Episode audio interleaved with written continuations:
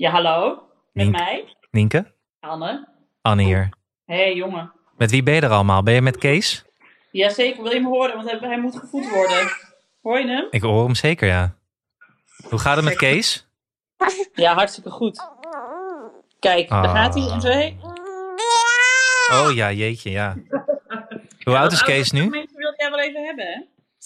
Nee, het gaat heel goed met Kees. Hij eh, slaapt heel goed en hij drinkt goed en hij wordt mega dik. Hij wil dus nu ook drinken, dus je belt op een eh, prachtig moment.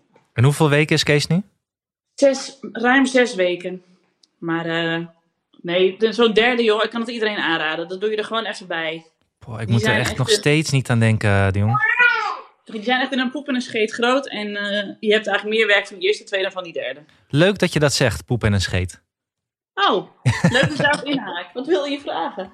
En we gaan zo eh, luisteren naar de superpoeper. Want in jouw Ah. afwezigheid hebben Hanneke, Alex en ik een interview gedaan met Hadassa Voet, de superpoeper. En het was echt een dream come true, want we hebben gewoon een uur professioneel over poep kunnen praten. Nou ja, en meestal doen we dat toch grappend. ja, Anderhalf uur. Maar blij dat, blij dat hier ook nog wat handige tips uit voort zijn gekomen, of niet? heel veel, heel veel. Het is echt jammer dat je er niet bij was. Het was echt ook een onderwerp voor jou geweest. Ja, want ik bedoel, wij hebben ook wel onze poepproblemen gehad eh, in het verleden. Dat mag je niet zeggen, hè? Oh, je mag, niet, je mag niet hebben over Wie is dat? poepproblemen. Wie is dat? Dat is A- Alex is hier op kraamvisite. Ja. En ik ook. En Wat? Hanneke ook. Wat? Ja. ja, we hebben je uitgenodigd, dat weet je. Ja. Je, gaat, je gaat hier nog geen audiofragment van maken dat je niet bent Dan uitgenodigd. knip ik eruit dit. Ik ben niet uitgenodigd, verdomme. nee, maar we zien... eh, je, je komt snel weer, toch? Hier in de studio ook. Ja, ik kom snel en dan neem ik Kees ook mee. Ja. En ik zat er nog wel over na te denken over dat poepen. Weet je, nog, weet je nog, Anne, hoe het is als je een baby hebt, dat je dan eigenlijk een halve dag zit te wachten totdat ze hebben gescheten? Ja, Dat was, ik was dat helemaal vergeten, dat dat zo gaat. Dat je dan echt tegen je kind ook zegt van, ah, toe, poep maar. En dat je dan, he- dat je ziet dat je kind helemaal opgelucht is als het gescheten heeft, maar dat je zelf eigenlijk nog opgeluchter Ja. bent. Dat je kind heeft gepoept. Ja. En dat je daar dus ook echt de hele dag mee bezig kunt zijn van, hij heeft nog niet gepoept. Dat je dan ook echt na elkaar belt van, hoe gaat het? Ja, ja, Kees moet gewoon nog even poepen. Oh ja, nou dat soort dingen. Ja, maar het komt dan ook met stip in de top drie van gesprekken die je thuis voert. Na Ja. hoe was het op werk? Eh, wat gaan we eten vanavond? En heeft Kees al gepoept? Precies, is er nog scheid. En dus dat je altijd een emmer met biotex hebt staan voor het geval dat. Voordat de hele boel weer eh, geel is. Ja, het is, poep is gewoon echt een groot deel van ons leven op dit moment. Ja. Nou, en het poep is ook een heel groot deel van Hadassa's leven. Eh, daar gaan we zo naar luisteren. Maar we gaan natuurlijk eerst luisteren naar Hanneke die reclames inspreekt. Want dat willen tegenwoordig alle bedrijven. Ja, dat Hanneke ik, eh, alle reclames doet. ik heb ook bedacht dat we deze podcast gaan omturnen. Niet in, ik ken iemand die, maar ik ken Hanneke Hendricks. Ik denk dat we dan nog veel meer luisteraars krijgen. We zouden zoveel hoger in alle ranglijsten komen dan. Zeker. nou, bij deze. Dag Hanneke. Ja. Dag. Ja. Oké, tot snel. Doei. Dag. Zal ik eerst even de intro doen zo? Ja, de, de, de regels zijn eigenlijk dat Hanneke vandaag de baas is. Ja. Oké, Ja. ik luister. zit ze er ook wel bij nu, ja. Ik voel mij ook de baas Ja. vandaag. Zo ga ik eigenlijk van nul naar de baas. Van Ja. twee afleveringen afwezig naar eh, degene die hier de lakens uitdeelt. De shots called. Zal ik eerst de intro even inspreken? Dat lijkt me goed. Dat is wel leuk. Ik wilde hem eerst inspreken met hoi, ik ben Nienke de Jong. Maar dat, doe ik dan toch maar niet. Niek je doet moet- altijd in één keer goed, hè? Ja, Ik leg niet. even de druk erop. Of, Ja, je, of je doet... eh, eh, hallo, wij zijn de Zoete Zusjes. Vandaag... Er wordt hier heel erg geknippeld. Want, want René is er ook bij. Ja, René, jij bent toch nog steeds acht? nee. Ben je alweer negen? Zie je, we dachten al, dit klopt niet wat hier staat. En de kinderen van eh Nienke hebben Zoete Zusjes ontdekt. Oh Dus nu heeft ze er een soort trauma van. En is Jaren nog vijf of is hij ondertussen ook alweer zes? Nee, die is vier. Nog vier. En die Ja. wordt vijf. Oké, oké. Zal ik het doen? Ja. Ja, spannend. Hoi. Nee, sorry. Hoi, ik ben Hanneke Hendricks, schrijver en hoorspelmaker en moeder van Alma van vier. Eh, en nu staat hier begin augustus krijgen Tom en ik nog een kindje. dat, is natuurlijk- dat heb ik niet goed verplaatst. Opnieuw.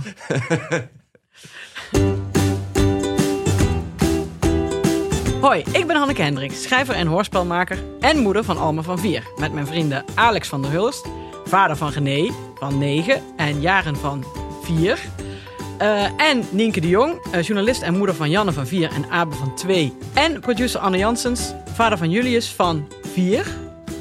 En Dunja van een jaar maak ik Ik Ken Iemand Die. Een podcast over ouders, kinderen, opvoeden en al het moois en lelijks wat daarbij komt kijken. Had ik hem toch bijna goed, de intro. Ik vond het goed. Goed zat? Goed genoeg. Goed. Ja. Dank je. En we hebben vandaag, eh, nou ja, als hoofdgast sowieso Hadassa Voet. Maar eh, René, de dochter van eh, Alex, is ook meegekomen. En ze zei vanochtend, waar ga je heen? Toen zei ik naar Amsterdam. Mag ik mee? Ja, waarom niet eigenlijk? Ja. Neem je tablet mee. Eh, en eh, doe wat je wil doen. En René, dan moet je even gewoon heel hard hoi zeggen. Hoi. Nog harder. Hoi. Yes.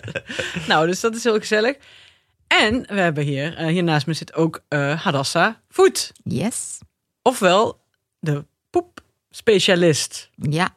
Maar ik hoor jullie allemaal vertellen over jullie kinderen. Dus ik, Rob, ik som ook even mijn rijtje. Ja, heel is graag. goed, Want ja. dan, heel dan, graag. dan weet iedereen wie het is. Nou, ik ben Hadassa. Ik ben moeder van vier kinderen. Ehm 34, 32, 30, 28 ongeveer. En oma van vijf kleinkinderen. 8, 6, 3, 2 en een baby van drie maanden. Oh my Er god. komt nog een jongenstweeling aan volgende maand eh, bij dochter nummer 2. En dochter 3 is zwanger van haar derde kind, een kleindochter. Dus eind november ben ik hoogstwaarschijnlijk en hopelijk eh, oma van acht gezonde kleinkinderen. Oh my god, hoor Jeetje. dit hier. Dat is pas vette shit. Ja, ja, ja. En, eh, en, ze Het voelt poepen, heel hectisch ook. ja, en ze poepen allemaal goed, de kleine nee hoor, dat niet. Oh ja. Nee, nee, nee. nee. Daarvoor ben ik hun oma natuurlijk, dat snap je. Ja, dat snap ik. Ja, precies, zo is dat uit. Maar laten we niet meteen eh, Nee. alle stappen overslaan. Nee, precies. hey, want wij kwamen erop dat, om jou een keer uit te nodigen. Omdat, maar ja, Nienke is er nou net niet. Maar eh, die had een dochter die, eh, die eh, nou, Nee, het kwam, eer, was het, kwam het via Nienke of via Anne? via Nienke Ja, alle twee mij. een beetje Alle volgens twee? mij. Want, Liepen eh, tegelijkertijd Janne, in die- dezelfde fase. Ja, ja, Ja. want Janne, dat eh, ging ook niet zo goed qua zinnelijkheid, heel lang. En Julius, die heeft een hele lange tijd nog in zijn broek gepoept en geplast. Julius is de zoon van Dat Anne en zoon. Janne is de dochter van eh Ja. eh, Nienke. En we hadden ook heel veel luisteraars die vroegen om dit onderwerp Ja. een keer te behandelen. Mhm. Omdat er kennelijk toch heel veel mensen, eh, ouders zitten met kinderen met zinnelijkheidsproblemen. Ja, nou ja, dat is gelijk de vraag: is het een zindelijkheidsprobleem? Want meestal is dat het niet. Dus dat Nee, is wel Dat daar moeten we het zeker over hebben. Ja, daar Ja. moeten we het zeker over we hebben. Maar qua aantallen moet je denken aan tussen de 100 en 150.000 kinderen per jaar die in de shit zitten. Mhm. Oh my god. Ja, dus dat is best wel veel. En dat Ja. zijn niet de ware getallen, hè, want het is gemeld rond de 100.000 via een onderzoek bij artsen. Maar heel veel ouders gaan niet naar artsen en die Nee. proberen van alles zelf. Nee, dat zijn dus ook heel veel ouders die in de shit zitten. Nogal. Ja. Vooral, want die Ja, de ja. kinderen precies, ja. zitten er meestal Zeker. niet zo mee. Zeker. Ja, en opa's voor- en oma's die in de shit zitten. Nou ja, wat dacht je van kinderdagverblijven Ja, en die in de scholen? shit zitten. Ja. Ja. En scholen, ja. Ja, de hele omgeving wordt beïnvloed. Dat is het vervelen van, vervelende van dit probleem. Maar laten Ja. we eens even bij het begin beginnen. Want ik neem aan dat toen jij een jaar of acht was, dat je niet zei: Ik wil later eh superpoeper. eh, nee, maar toen zat ik wel in de shit. Oh ja, want hoe. Want hoe ik heb zelf als kind tien jaar lang ernstige poepproblemen gehad. Maar ja, toen was de kennis nog niet zoals die nu is. Dus wat begon van, nou, het is een zindelijkheidsprobleem. Is uiteindelijk na heel veel ziekenhuisopname en hele vervelende onderzoeken. Ehm, mentaal overigens en fysiek. ehm, en operaties. zijn de artsen van toen tot de conclusie gekomen dat ik een ernstige ziekte had. De ziekte van Hiersprong. Dat is een, dat is een ziekte waarbij de dikke darm, die verantwoordelijk is voor het doorgeven van de signalen om te gaan poepen, de aandrang, dat daar een stuk was dat niet werkte. En dat hadden ze bedacht omdat ze een biopt hadden genomen. Maar ik wist al als klein meisje dat ik het wel voelde, maar dat ik het tegenhield. De redenen wist ik niet, maar ik wist wel dat ik dacht van nou poepen vind ik niet zo leuk, vind ik eng. Ik ging scheef op het toilet zitten en eh, ik wist niet goed hoe ik het eruit moest krijgen. Ik vond het pijn doen. Ik had vaak van die hele harde knollen. Nou ja, dan op een gegeven moment denk je, weet je, laat maar zitten. Dus ehm, lang verhaal kort, ik heb van mijn vierde tot mijn veertiende eh, met poepproblemen rondgelopen, waarvan ik hoorde jou net zeggen, Anne. ehm, het is niet in de broek poepen. Het is ongewild verlies van je poep. Omdat je de controle kwijt bent. Maar daar heb ik dus last van gehad. Totdat ik in de tweede van het gymnasium zat. Dat was best wel vervelend. Ja. En heel ongemakkelijk. En uiteindelijk ben ik wel zelf de baas geworden. Omdat ik wist dat ik niet een ziekte had. Maar ja, een mei- een klein meisje wordt niet geloofd door doktoren. En mijn ouders geloofden de doktoren. Ehm, toen heb ik met een dagboek bijgehouden van ik moet gewoon om de dag poepen. En ben ik gewoon keihard gaan duwen tot echt dat mijn oogwit helemaal rood werd. Want ik dacht ik moet hem eruit krijgen. En toen kwam mijn aandrang langzaam maar zeker terug. En toen heb ik een terugval gehad rond, maak een sprongetje, toen ging het verder prima. En toen heb ik in het buitenland gestudeerd. En ehm, toen kreeg ik, heb ik een terugval gekregen. Toen dacht ik, hè, zouden de kinderartsen dan toch van toen gelijk hebben gehad? Heb ik toch een ziekte? En toen heb ik ehm, de grote stap gewaagd om me opnieuw te laten onderzoeken. En toen bleek, en ik was niet geopereerd, ik had geen stoma gekregen, zoals mijn ouders was aangeraden, dat er geen enkel bewijs was voor een ziekte. En dat het ging om een voortdurend probleem van obstipatie, komen en gaan. En toen kreeg ik zemelen. Heel smerig toen der tijd. En ja, toen, vanaf toen kon ik poepen. En ben ik ook altijd baas gebleven. Wat? Ja, Wat een verhaal. Hoe Ja. oud was je toen, toen met die terugval? Ehm 18. Oh my, oké. En wacht, en oké. En die was vier en toen, het begon eigenlijk... eh, Op de kleuterschool. ja, precies, toen je... Toen was het nog kleuterschool, heette het toen. Hè? Basisschool kenden we niet. Nee, nee, precies. Wa- inderdaad. Ja, ik was een heel verlegen meisje. Dus ik vond het heel spannend, dat weet ik nog, om naar school te gaan. En ehm, Met je dus broers en zussen? ik had toen één zusje.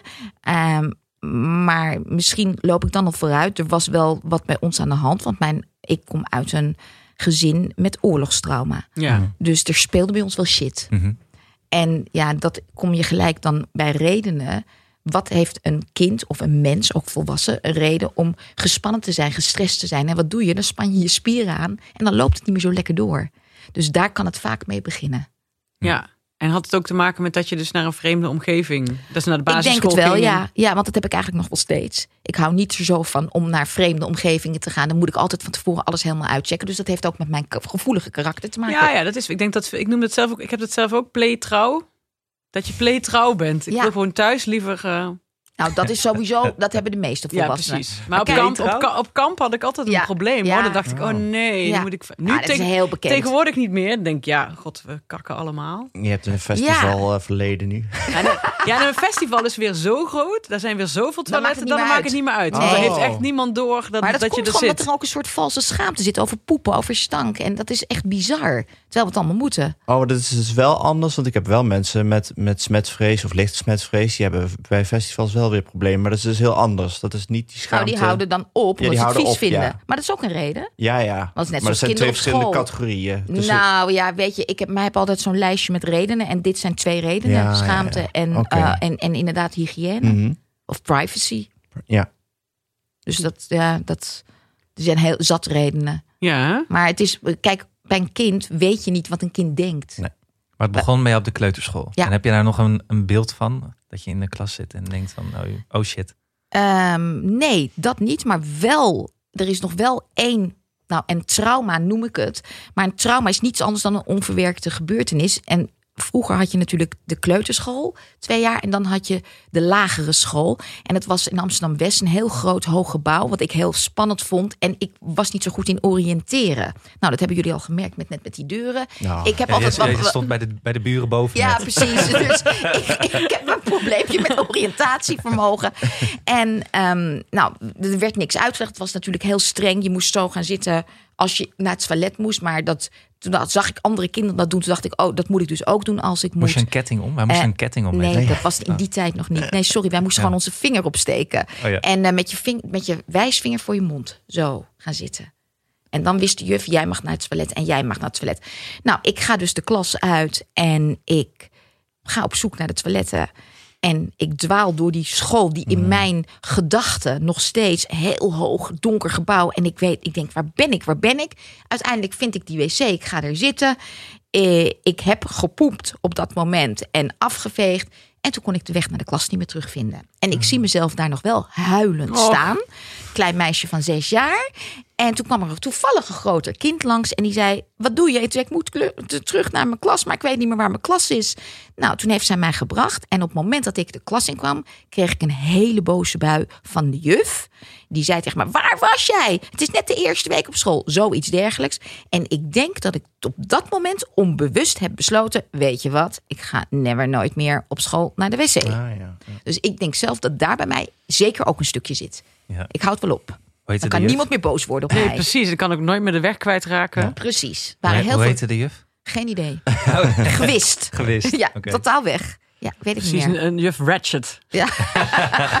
ik heb er wel een soort beeld bij, maar nee. Maar ja, we spreken waarschijnlijk... spook uit je verleden. Ja, een soort van... We spreken wel over een tijd waarin er eh, weinig eh, barmhartigheid was voor eh, Zeker. poepen en plassen in de broek. Nou, En- het was sowieso een.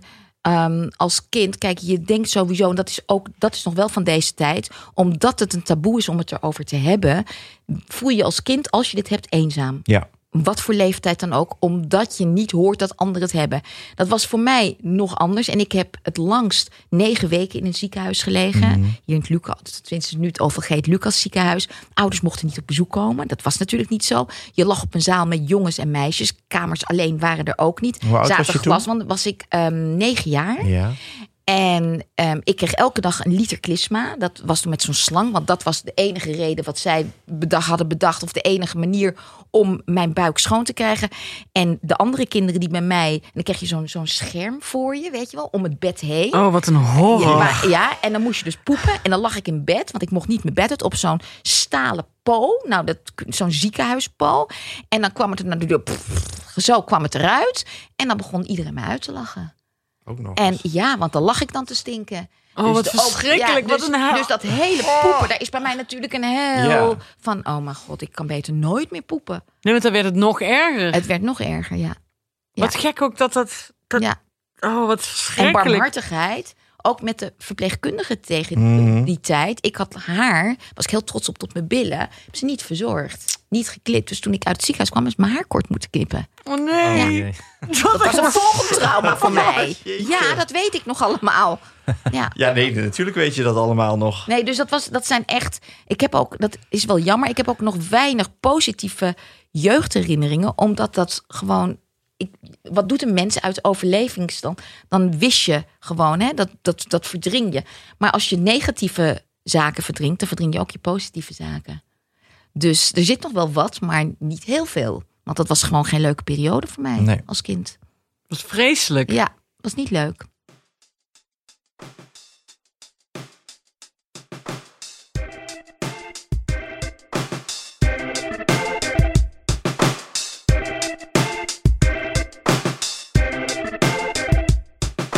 We zijn zo weer bij u terug met meer eh, verhalen van Hadassa Voet over zindelijkheidsproblemen. Oh nee, nee, juist poepproblemen. eh, vieze onderbroeken, stiekem dingen weggooien en stiekem ergens naar de play op de duizendste verdieping.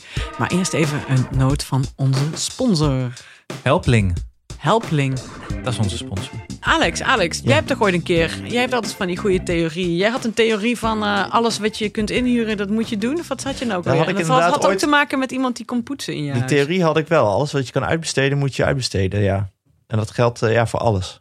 Ben ik het helemaal mee eens. Omdat eh, ieder uur, eh, je moet je afvragen, is degene die ik inhuur, is die eh, duurder dan eh, dat ik zelf ben? Plus, geef zelf nou even toe als je zelf gaat poetsen. Ik doe het altijd best wel ruk. Ja, Ja, Ben jij, ben jij een hele goede poetser? ik ben wel een goede poetser, ja. perfectionist, Ja, hè? ja, ja, hebben we net gehoord. poetser. Oh Perfectionisme. ja, perfectie. Ik ben geen perfectionist. Nee, ik ben wel een goede poetser. Ik werkte ooit in het, het- nog in het café in Venlo. En toen stond ik daar achter de bar, was ik echt 18. En toen kwam er een vrouw, eh, die noemden wij altijd als bijnaam Hertje.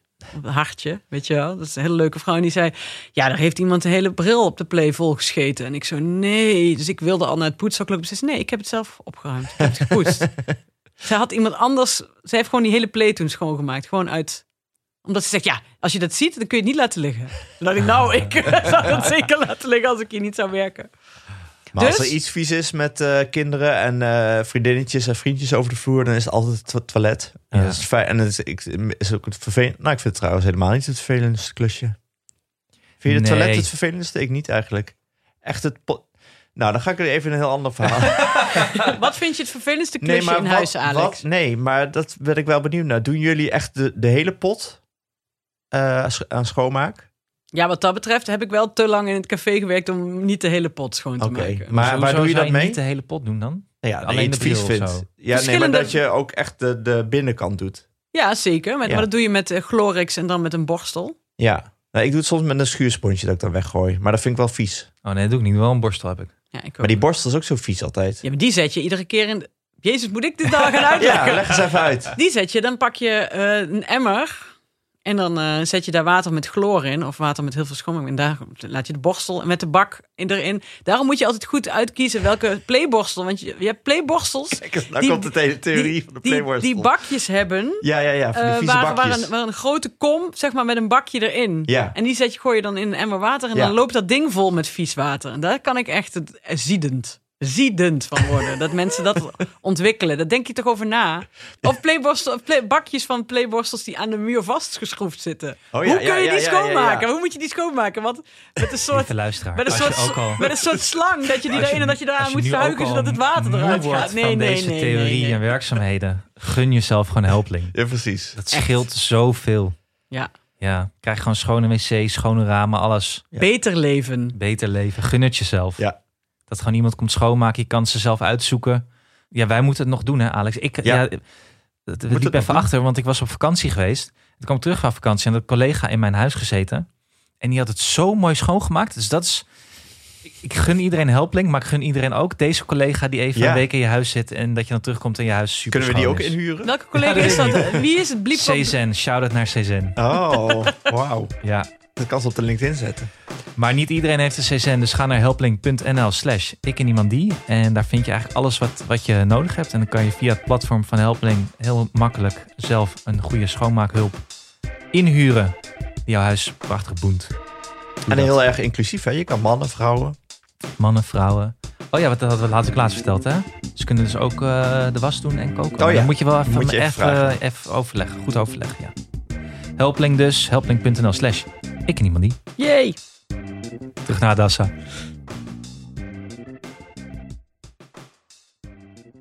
En toen op je veertiende heb je je daar dus uitgeworsteld, Ja, zelf. zelf, met mijn dagboek. En wat maakte de trigger dat je dat op je veertiende ineens besloot? Jongens, Ah, ik, kijk. was, eh, ik ging verliefd worden. oh Ik wilde ja. afspraak. Ik denk, ja, daar zit ik met mijn vieze broeken. Gaat hem niet worden. Want tot die tijd was het, had je gewoon geen controle. Er gebeurde, het gebeurde Nee. gewoon wel of niet. Of, eh, het, Het gebeurde niet. En ik had altijd vieze broeken. En ik kocht van mijn zakgeld. Ik dacht, dat is de kinderlijke naïviteit. Dat mijn ouders dat niet door hadden. We hadden nog zo'n ouderwetse grijze, weet je wel, zo'n stalen prullenbak buiten staan. Mhm. Weet je, met zo'n deksel. En dan ging ik van mijn zakgeld, ging ik eh, ehm, zelf eh, in het dorp waar ik woonde onderbroeken kopen. Bij de plaatselijke supermarkt of wat het dan ook was. En dan gooide ik mijn vieze broeken s'nachts, zette ik mijn wekker. Die gooide ik buiten in de tuin. En dacht ik dat mijn moeder niet door had dat er dan nieuwe onderbroeken in de wasmachine zaten. Oh. Maar dat deed ik dus, want ik wilde mijn ouders niet belasten. Dan kocht je ook die- dezelfde broeken, zodat niemand door Nee hoor, heb ik helemaal nooit over nagedacht. Dat was iets. Ik kocht gewoon onderbroek. ik denk, ik moet nieuwe onderbroek, ik moet nieuwe onderbroek hebben. Maar bizar wat je dus als kind gaat bedenken. Hmm. En niet voor jezelf om te schamen, maar ik deed het echt omdat ik mijn ouders niet wilde belasten. Maar wisten vriendinnen van je dit wel? Niemand wist het. Nee. En Nou, je de ki- zusje? Ehm, dat is ook een onderwerp wat ook nu nog speelt. Mijn zusje onder mij, waar ik maar 16 maanden mee scheel. En ik heb nog een zusje en een broertje die wat eh, jonger zijn. Maar eh, ja, die, vond, die riepen natuurlijk tegen mij: Baby, baby, jij kan nog niet poepen. Ze bent stom. Dus ik was de oudste. En ik was best wel slim. Maar ja, ik kon niet eens als een normaal kind poepen op de wc. En waarom, wat bedoel je met het speelt nu nog steeds? dat kinderen, en niet bij mij, maar dat in het algemeen broertjes en zusjes niet zo aardig handelen tegenover het kind dat het poepprobleem heeft. Ja. Die worden gewoon vaak geplaagd, uitgelachen. Eh, ja, en, dat, en je, je hebt al een faalangst als je niet goed kan poepen, want je faalt. Want je kan niet goed poepen op het toilet. Dus dat versterkt niet je zelfvertrouwen en je zelfbeeld. Jeetje. Oké, en toen werd je verliefd en toen dacht je, oké, nu moet ik iets gaan Ja, doen. en toen ben ik dus zonder aandrang gaan duwen. En dat had je gewoon besloten van, nou, we gaan het Ik zo... weet, ik weet het niet meer, maar ik, wat ik nog wel kan herinneren is dat ik, me- ik heb mijn dagboeken nog, dat ik, ik heb het nagekeken, zet ik kruisen, gepoept. En als ik één dag niet had gepoept, dan wist ik, ik moet nu gaan duwen. En dat is ook een stukje van mijn huidige methode nu. Er is een oefening waarbij je je buikspier kan aanspannen, waardoor je hem in beweging kan zetten. Dus ja, dat heb ik blijkbaar zo ontdekt. Geen idee. Ik weet niet meer precies de invulling ervan, maar ik weet dat ik het zelf heb gedaan. En toen dat ging lukken, was je toen Nou, dat scheelde wel. euforisch? Of? Opgelucht, opgelucht, bevrijd. Dat, dat. dat eh, je, je, komt ook, je krijgt ook een letterlijke vrijheid. Want ik durfde niet op kampen. Ik wilde nergens naartoe, want hoe moest ik het doen met die vieze broeken? In slaapzakken op, op kampen, uit logeren gaan, sporten, zwemmen. Ik wil niet zwemmen, want zwemmen, gymnastiek, ik zat op keurturnen. Als je je beweegt, dan gaat de dar- je darmen ook bewegen. Ja. En als je geen controle hebt, ga je het verliezen. Nou sta jij op de evenwichtsbalk en dan komt poep uit. Dus ik Ja, was overal minpunten in de beperkt. wedstrijd. Nogal, nogal. Dus ik, nee, dus ik was redelijk beperkt als kind daarin. Oké, en toen had je die terugval. En toen kwam je erachter van, nou, ik ben... eh, En ik weet wel waar de terugval mee te maken had met stress. ja. Ik was, zat bij op een kostschool en ik was heel erg bang voor de directeur. Dus ehm, daar was ik heel gespannen over. Uiteindelijk ben ik ook van kostschool gestuurd. Dus, ehm, en toen ik thuis kwam, was ik ook, had ik, bleek ook een maagvliesontsteking. Was ik 10 kilo afgevallen en ik kon niet meer poepen. En mijn ouders natuurlijk gelijk met mij naar de dokter. Nou, toen had ik een maagvliesontsteking. Ik kreeg zemelen.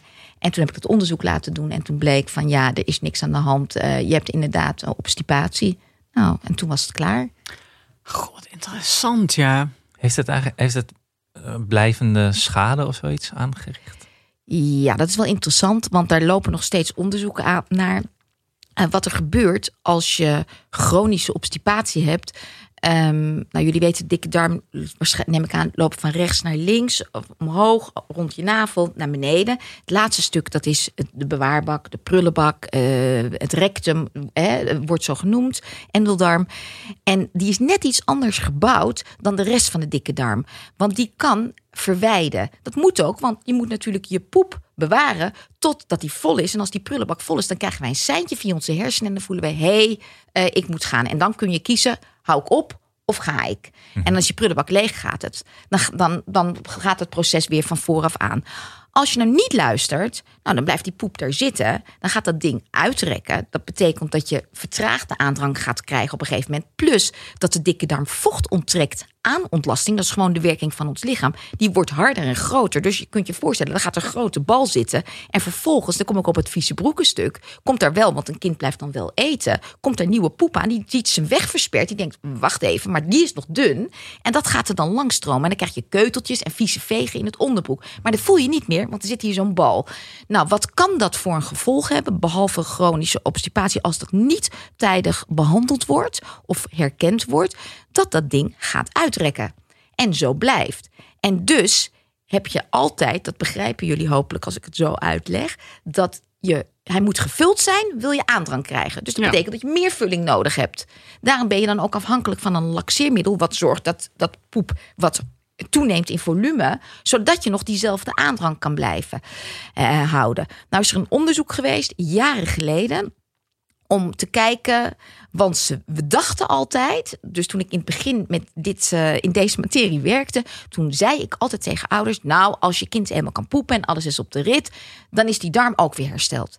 Dat blijkt dus niet zo te zijn. Dus ik, wij dachten allemaal, ik neem dan allemaal literatuur over en kennis van kinderartsen en gastroenterologen. Die zeiden: Ja, dat ding dat is elastiek en dat gaat gewoon, dat krimpt weer terug. En dan doet die darm, dan is het herstel van darmfunctie was ook geruststellend om dat aan ouders te vertellen natuurlijk.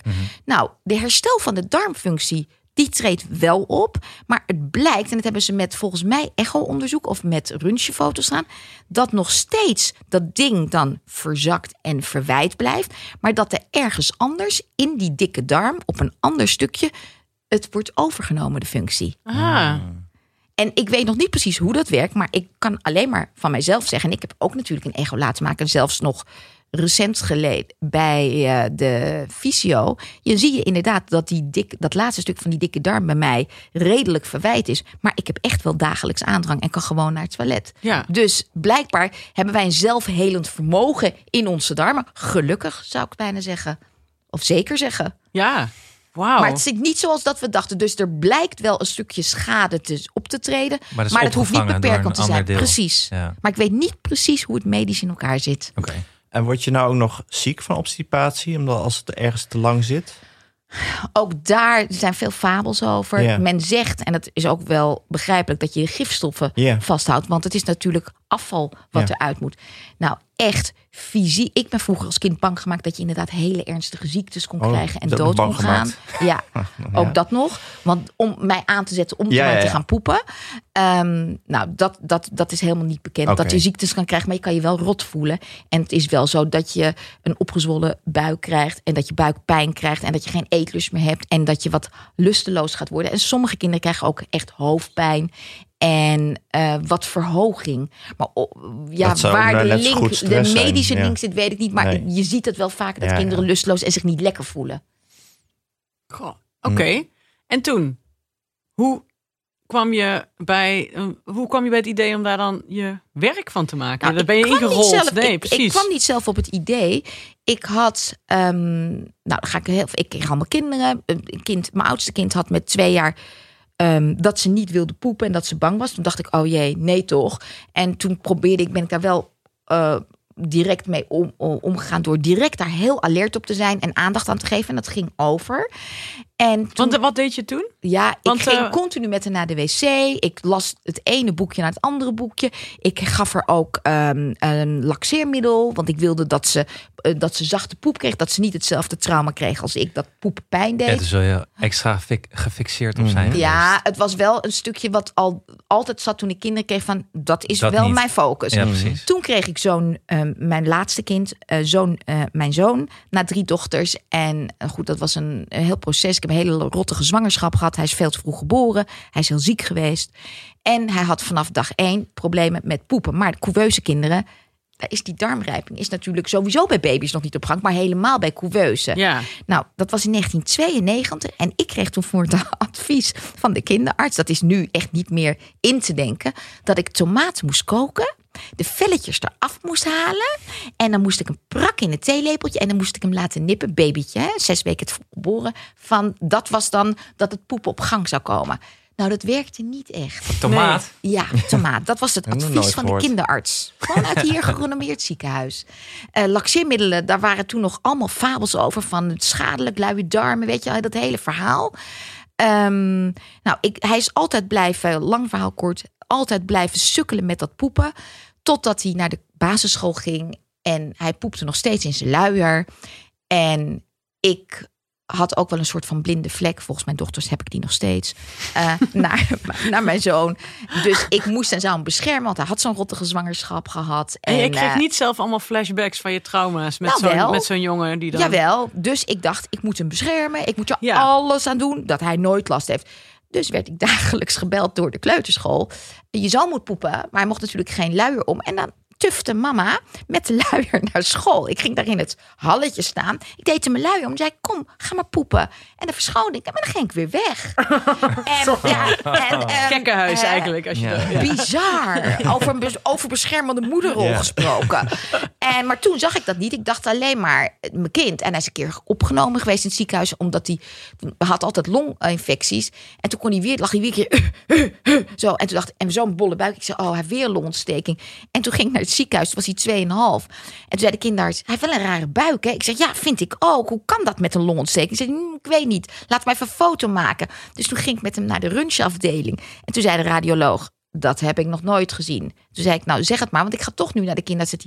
Jouw zoon zit vol met poep. Maar hij poepte wel elke dag. Alleen niet voldoende. Maar dat weet je dus niet als ouder. Dat ook dat is nu een probleem wat, wat heel erg bestaat.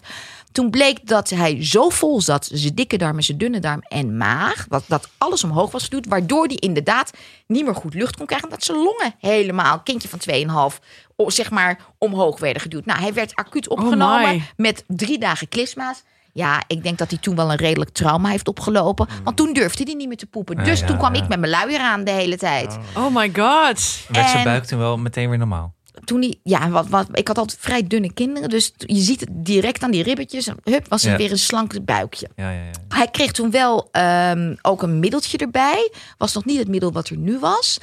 En toen was ik, ging ik naar de huisarts, omdat ik denk, ja, ik moet het doorbreken. En toen zei hij, nou weet je, er is net een poep, of ik had erin gelezen in de krant of in een, een magazine. Eh, er is een eerste poeppolie in Nederland ge- eh, geopend in het AMC. En, maar dan mag je alleen maar kinderen doen vanaf hun vijfde levensjaar. Dat was toen de policy. Dat was de eerste. Dus nou, mijn zoon is nu 28. Dus reken maar uit hoe lang. Dat is 23 jaar, 24 jaar geleden. Ik heb me aangemeld. Hij was 31 augustus jarig. 1 september zat ik het podium. en, ehm, en toen, nou, dat is het bizarre van het verhaal. Hoe je zelf kan beïnvloeden. Toen zei ik, ja, ik wil eerst dat hij wordt onderzocht op ziekte van hiersprong. Maar ik wist Ja. dat ik het niet had.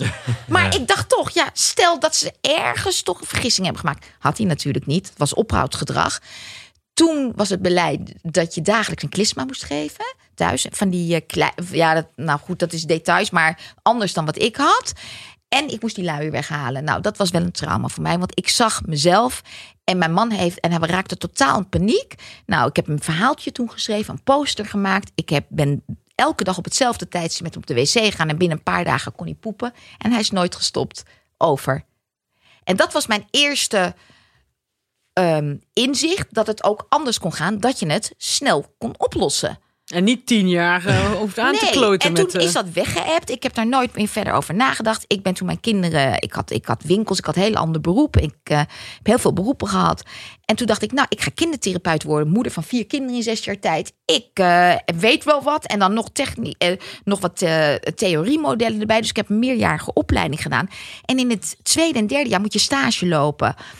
En toen heb ik op de lagere school, op de basisschool van mijn kinderen, een briefje gehangen. Hoi, ik ben in opleiding. Wie wilde bij mij eh, eh, komen gratis? Kan ik helpen? Nou ja hoor, die kreeg direct eh, telefoontjes. En het eerste kind dat werd aangemeld, die werd aangemeld voor woedeaanvallen. Dus ik denk, nou oké, dat is echt wel iets wat ik heb gehad. Überhaupt het hele poepprobleem werd niet behandeld in de therapieopleiding. En dat ging wel even over zindelijkheidsproblemen, maar heel eh miniem. Echt eh, niet, niet uitgebreid. En ik ben met dat kind in gesprek. Een jongetje was tien jaar, of elf jaar. En toen kwam het opeens over poepen, dat hij niet kon poepen. Nou, ik kreeg natuurlijk een soort van verzakking. Want ik dacht, oh my god, hoezo krijg ik dit kind? Dat, wat is dit? Dit is een soort van lot van boven. En het tweede kind wat aangemeld had, ook. Hè? En toen dacht ik, nou, dit, dit, dit, dit, dit, dit, is van boven gestuurd. Ik met mijn kinderervaring, met mijn mama-ervaring en nu mijn, eh, eh, mijn professionele kennis, wat ik al die jaren heb opgedaan. Ik ben de aangewezen persoon om hiervoor een oplossing te gaan bedenken. En dat was rond 2005. Twee, ja, 2005. En toen ben ik eh, op internet alles gaan zoeken. Ik heb ziekenhuizen gevonden in eh, het buitenland. Contact ook met degene van de poeppolie heb ik natuurlijk contact opgenomen. Ik, en het toeval wilde dat de poepprofessor in Nederland, Mark Benninga... zijn vrouw deed dezelfde opleiding als ik. Dus hij had, gunde mij ook dat, ik, dat hij kinderen naar mij ging doorsturen. Ja, voor ik het wist, terwijl ik nog in mijn derde jaar zat... zat mijn praktijk helemaal vol. En kon ik natuurlijk oefenen tot en met en van alles bedenken. Ja, en toen bedacht ik, dit gaat mijn werk worden. Ja. Hier- ik ga nu een oplossing bedenken. En zo is eh, methode Superpoeper ontstaan.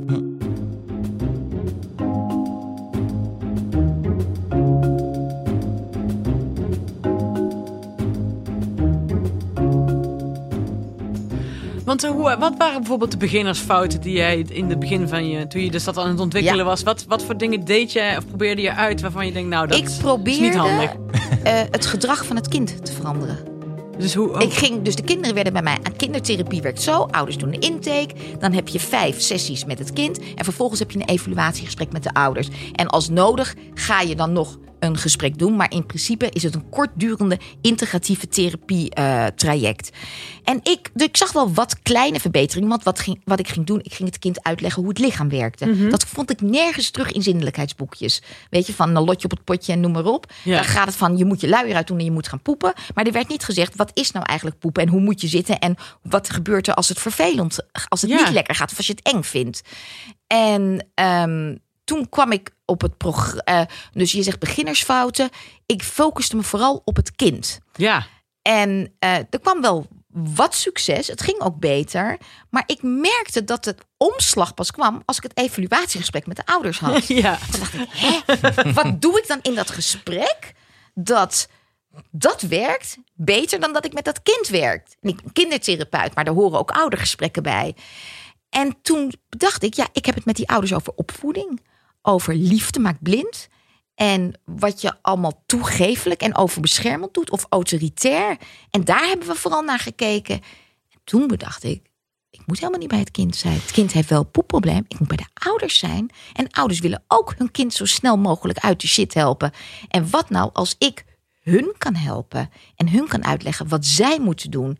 En dat is ook de basis van het integratieve kindertherapiemodel. Dat je gelooft in de autonomie van de mens, van ouders en van kinderen. Dat je het zelf kan, dat je ook beschikt over de tools om het zelf te kunnen, maar dat je soms iemand nodig hebt of een hulpmiddel om bij die tools te kunnen komen. Ja, En dat is de basis van de methode. kijk. Dus ik ben van kindmodel overgestapt naar het oude model. En ik heb natuurlijk nu voor het kind, omdat ik vind dat een kind wel de informatie moet krijgen en dat dat niet vertellend zo moet zijn. Dus ik heb een app gemaakt waarbij kinderen eh, het kunnen spelen en spelende wijze kunnen ontdekken en een liedje kunnen zingen. En ik heb een boek geschreven met, met vooral plaatjes, zodat zij weten, zo werkt mijn buik. En, en daar staan ook tips voor ouders in. En ik heb voor de ouders dan een training gemaakt, zodat zij weten, wat moet ik nou thuis met mijn kind doen. En zo kunnen de ouders zelf ehm, het poepprobleem met hun kind oplossen. Want ehm, is het probleem, eh, is het überhaupt een probleem voor kinderen? Tenminste, dat heb ik bij mijn kinderen nooit gemerkt. Die hadden daar, eh, zagen het niet als probleem. Eh, en ik dacht van, ik kan er een probleem van maken. En de omgeving kan er een probleem van maken. Dat is niet gebeurd. Hoe weet jij dat jouw kinderen het geen Dat probleem weet ik niet, maar ze- dat, dat, dat, is, dat, dat, nou, dat, dat is nou precies het ding.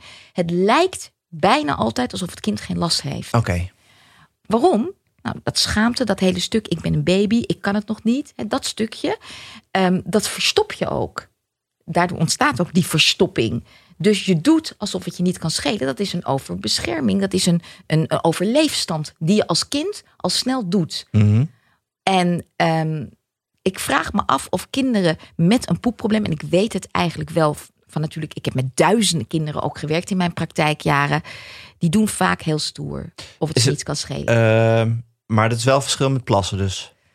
Ehm, nou, plas- en poepproblemen hangen vaak samen. Want als je niet goed kan poepen, dan wordt ook vaak je plasgedrag beïnvloed. Dat weten niet veel mensen, maar het is wel zo. Bijvoorbeeld bedplas is vaak bijna altijd gerelateerd aan niet herkende obstipatie Hm. overdag.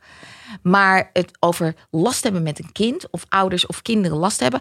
Ouders hebben last als ze zien dat hun kind last hebben. Mhm. Maar ze hebben ook last als ze inderdaad vieze broeken hebben. Of een kind wil niet gaan. Of je bent continu ermee bezig. Of je bent op een verjaardag en het gaat mis. En noem maar. Of op, je wordt gebeld door school. Maar geloof mij, de kinderen hebben er eigenlijk het ergst last. Want niemand wil opzettelijk in de shit zitten. Nee, nee, nee, maar ik zie, zie veel. En ook bij een kleuterklas gewoon een kindje dat nog even in de broek plast per ongeluk omdat hij te laat was. En die, Ja, die zit, lijkt er totaal niet mee te zitten. Van, oh ja, ik doe een andere dat, broek nou, aan. nee dat, maar kijk, in, als je ontlasting verliest, dan merkt iedereen dat. Dus word je ermee geplaagd. Ja, Het gaat stinken ja, en iedereen ziet het. En wat heb jij nou gedaan? Dat doen toch alleen maar baby's? Huh? Poep jij nog in je broek? En met plassen, ja, dat kunnen we ons allemaal makkelijker voorstellen. Mhm. Is niet zo zichtbaar Nee. en niet zo ruikbaar. Ah, oké. Ja, dus dan moet je maar wel een kinderen beetje hebben echt onderscheid. last daarvan. Ja, Echt. oké. En in hoeverre, want ik had het in het begin, zei ik het woord eh, zinnelijkheid volgens mij. En toen zei je nee, Mhm. dit gaat, gaat over iets anders. Ja, dat wil ik nog wel uitleggen. Ja, want hoe zit dat precies? Want het Nou- volgt het een wel een beetje uit het ander? Volgt poepproblematiek uit ook zinnelijkheidsproblemen? Of heeft dat er helemaal Ja, niks het, mee te er maken? is zelfs een oor, het is zelfs een oorzaak. Ehm, nou, een, een zinnelijkheid heeft te maken met het rijping van ons lichaam. Dat gebeurt rond de 18 maanden. Dus dat weten we allemaal niet. Maar rond de 18 maanden. En waaraan weet je dat? Nou, kan je kind poepen? Als je kind in de luier poept, dan weet je, oké, het werkt. Dat is één. Het tweede is, herkent je kind aandrang? Nou, ik had gisteren bijvoorbeeld mijn nichtje om op te passen. Die is anderhalf en die riep opeens, tassa, kaka. Dus dat betekent, ze doet het nog in de luier, maar ze voelt het aankomen. En ze weet wanneer ze het heeft gedaan. Ze ging even staan en dus herkennen en het werkt.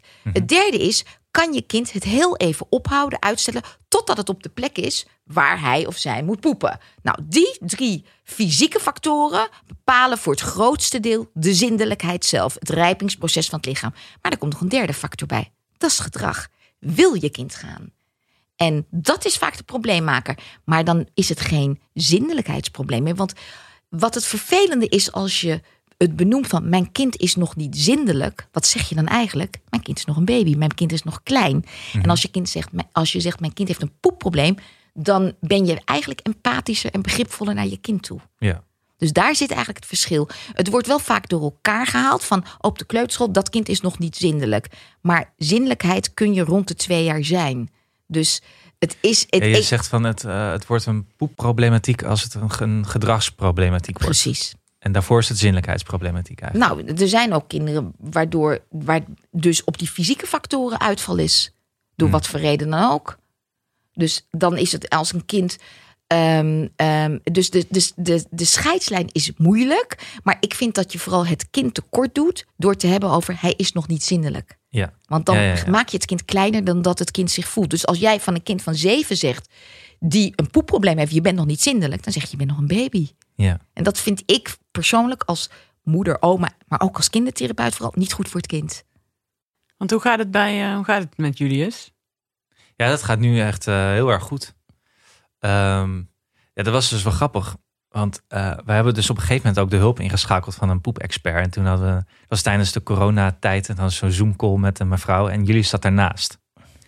En toen hadden we het een beetje uitgelegd wat het probleem was. Nou, hij hield het heel erg op en hij wilde niet. En je zag gewoon dat hij moest, maar hij ging niet. En dan ging het op een gegeven moment wel, nou ging het wel fout. Ja, En dat is best wel lang zo doorgaan. Hij wil niet. Hij, hoe wil oud niet. is Julius? Hij is vier. Oké, En toen ja. was hij denk ik nog net eh, drie. Ja. Maar hij wist wel echt dat hij moest. Tuurlijk, want je ja. zag het gewoon aan. Precies, ja. Ja.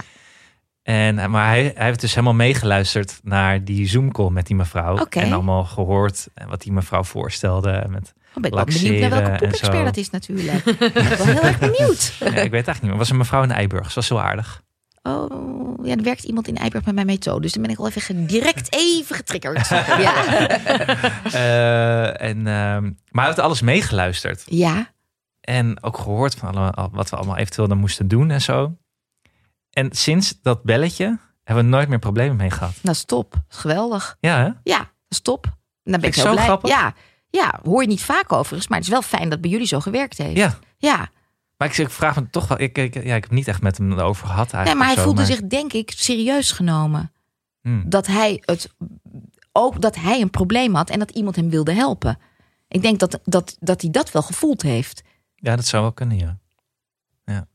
Ja, en misschien dat hij mee mag luisteren. Niet dat het van bovenaf werd gezegd wat hij nu moest gaan doen, maar dat iemand anders. Ja, behalve dus ook op zijn zeiden. autonomie. En dat Ja. stukje wat ik zei van jij kan het. Ja. Dat is heel belangrijk om dat tegen kinderen te zeggen. Natuurlijk op elk gebied, maar zeker op dit stukje. Want kijk, allemaal als we naar de wc gaan, is niets anders dan loslaten. Nou, en je kan alleen maar loslaten als je autonoom bent. Ja. Dus Maar wat zou, dan, wat zou dan zijn probleem kunnen zijn geweest daarvoor? Wat denk je zelf eigenlijk? Ja. Eerst. Ja, wat denkt wat er nagedacht? dan? ja, nee, Wat denkt er eigenlijk zelf van? Ik, Ja. ik, ik, het komt nu ineens pas in hij op, hield op, hè? Je zegt hij, Hij, hield, hield het op. op, ja. Hij wilde, hij wilde niet. Nee, nou dan. Ik denk niet dat het durven was. Het was meer... Het kan zijn dat een kind te druk is en niet wil stoppen met activiteiten. Maar in het algemeen kan ik wel een beschrijving geven van een poepkind. Dus kinderen bij wie dit probleem ontstaat. Dat gaat vaak om slimme kinderen, die doordenkers zijn. Dus die vaak eh, meer denken dan dat je ziet. Die gevoelig zijn, ook prikkelgevoelig. En die een sterke wil hebben. En ehm, vaak wat onzeker zijn, wat faalangstig. En dat hoef je niet direct te merken, maar dat is wel een karakteromschrijving van kinderen. Ook zie ik vaak perfectionistisch gedrag. Ze willen liever dus, dat het heeft, hangt natuurlijk samen met faalangst. Faalangst en perfectionisme is eigenlijk hetzelfde. Hè? Je wil geen fouten maken. Dus je wil het altijd goed doen. Ja. Dus ja, dat. En die kinderen, je ziet ook kinderen die ehm, gevoelig reageren op veranderingen. Ja, tot nu toe heb je wel alle boxes eh Oh, echt? eh, Oké. Ja, dat is wel eng. Top. nou, dan weet je het. Dan Ja. zit het daar ergens in. Kan ook een verandering zijn dat hij het spannend vond om naar de basisschool te gaan. Of als er een kleine verandering thuis is. Corona is op zich ook een verandering geweest. Waar, waar ik veel mm, ouders hebben gehad die me hebben gezegd: Oh, help. En hij had net een zusje. Oh ja, dat is, dat, nou, dat is een verandering. Niet op Ja. zich een Of Of geboorte, ja, maar... was hij toen, dan was toen jij misschien al wat ouder, Die was toch? wel wat ouder. Oké, toen, nee. Ja. Ja, maar er zijn heel veel, vooral ook als ouders gespannen zijn. Dat vergeten ouders vaak. Om wat voor reden dan ook. Pik, kan een gevoelig kind dat oppikken? Ja. Want dat hoef je Ja. niet te zeggen, maar dat voelt een kind wel. ja, maar het gaat dus nu goed. Maar nu ben ik toch wel weer bang dat als hij naar de basisschool gaat, dat het misschien toch weer terug gaat komen. Nou, dan is Dus wat kan ik dan, wat zou, wat zou ik kunnen doen om te zorgen dat dat Ja. niet gaat gebeuren? Ehm, Nee, je neemt een superpoepenboek mee. Dat heb ik voor je bij me. Dat is het eerste. Het- dan ga je laten zien hoe het lichaam werkt. Want ik weet niet of je dat hebt gedaan met hem. Dat hij weet hoe het Jawel, werkt. dat hebben we een keer gedaan. Ja, oké. Dus dat is belangrijk dat, dat, dat hij dat realiseert. Want, en dat hij de baas is over zijn lichaam. En dan ga je, wat ik je dan zou adviseren, is om met eh, de juf of de meester te gaan praten. En te zeggen: Nou, eh jullie vindt, het- had het een tijd, vond hij het spannend om naar het toilet te gaan. Dus ik, je moet uitvinden hoe het daar werkt op school. Moet hij daar inderdaad een ketting gebruiken, wat jij eerder noemde? Of eh, zegt de juf, je mag alleen in de pauze gaan? En wat moet hij dan doen als hij opeens voelt dat hij moet? Moet hij het dan ophouden? Hè? Ophoudgedrag begint ook vaak op de basisschool, omdat kinderen opeens niet meer mogen gaan. Is ook bizar trouwens, even een, een, een stapje opzij. Wij leren als ouders, jullie zijn allemaal ouders, dan probeer je je kind zin te krijgen. Goed zo, luister naar je buik. Yes, als je gaat, goed zo. Grote meid, grote jongen. En dan ben je op de basisschool. En wat dan? Dan moet je opeens leren ophouden. Want je mag niet zomaar uit jezelf naar het toilet. Niet op elke school. Er zijn sommige scholen waar het wel mag. Maar op de meeste scholen mag dat niet. Dus dan wordt ophoudgedrag ook een beetje in de hand gewerkt. Nou, om dat, zou ik gaan bespreken vooraf met de juf. En met je kind erbij. Want het is duidelijk dat dat goed bij hem werkt. Hè, dat hij meegenomen wordt in gesprek. Dan zeg je, nou Julius kan het spannend vinden om op tijd naar de wc te gaan. En kunnen we daar een afspraak over maken? Kan je hem daarbij ondersteunen? Op die manier. En laten zien van tevoren waar zijn de toiletten. En ook weten, kan hij al zelf afvegen. Want dat is ook vaak een probleem bij kinderen op de basisschool. Als ze niet weten hoe ze afvegen en ze moeten wel poepen. Ja, dan zitten ze dus ook met een vieze broek. Dus besluiten ze, dan gaan we ophouden. Ah, ja, ja. Dus dat zijn ook eigenlijk wat. ehm, ja, je, je moet. eh, Hiervoor geldt vooraf handelen.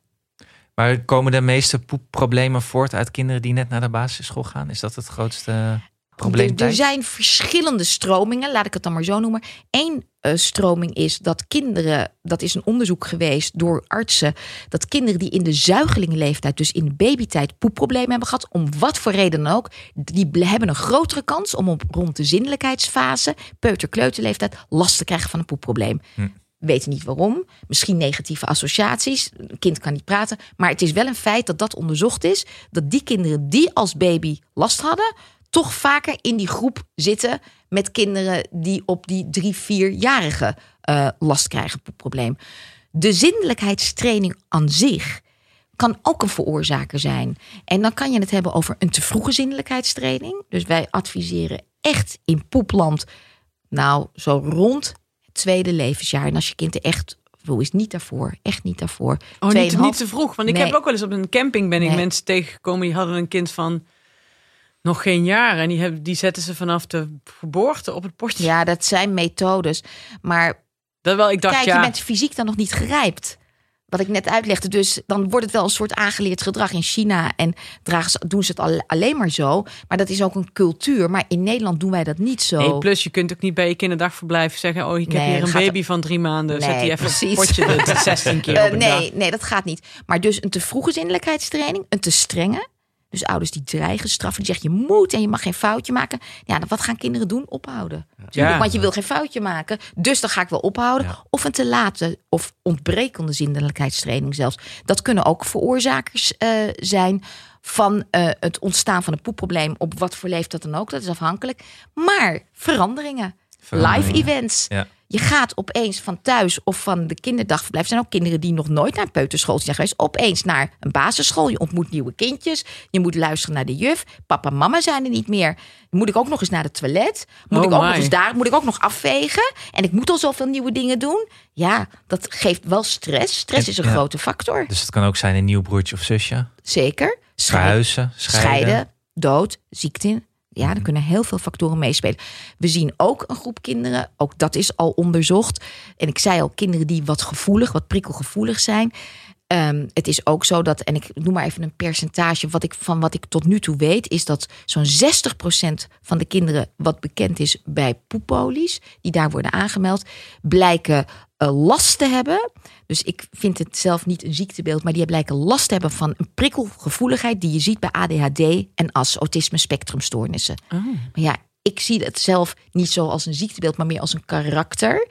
Eh, maar daarvan, voor die kinderen is het wat lastiger om tijdig te kunnen luisteren. Dus ik heb het dan echt over kunnen luisteren naar hun aandrangprikkel. Dus die aandrangprikkel is iets wat intern komt.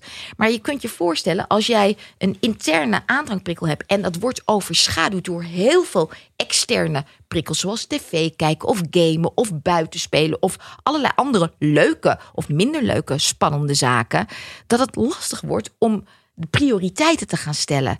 En kinderen met ADHD en AS, die hebben daar wat moeite mee. Dus die filterswerking, die werkt niet zo bij kinderen die daar geen last van hebben. Nee, nee. Dus die kunnen op tijd stoppen. En dan denken ouders dat kinderen dat met opzet doen. Maar dat is niet zo. Ze hebben gewoon een onvermogen. Dat kun je wel helpen, namelijk door een hele vaste structuur te gaan maken in je gezinsleven. En met broekplassen zou dat hetzelfde bijvoorbeeld kunnen zijn. Zeker. Zeker. Maar broekplassen kan komen dat kinderen geen tijd nemen. Of ze plassen niet helemaal uit. Of het, het, wordt veroorzaakt door een bol van poep in je. eh, want als er opgeslagen poep is. En ook Ja. een kind. Dat is het, eigenlijk vind ik het grootste probleem. Wat niet herkend wordt. Mijn kind kan geen last hebben van obstipatie.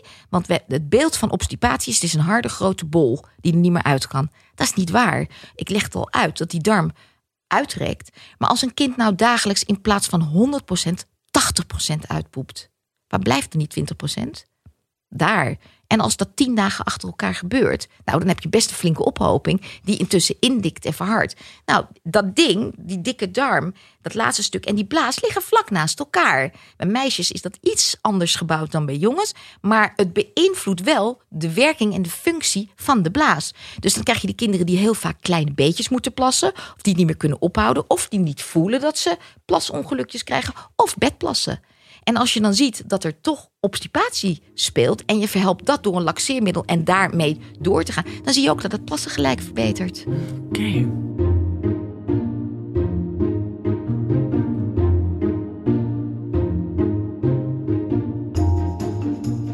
Wat is er nog over van... eh, ik kom zelf uit een, van een studie waarin eh, als een van de laatste nog eh, heel veel over Freud werd gesproken.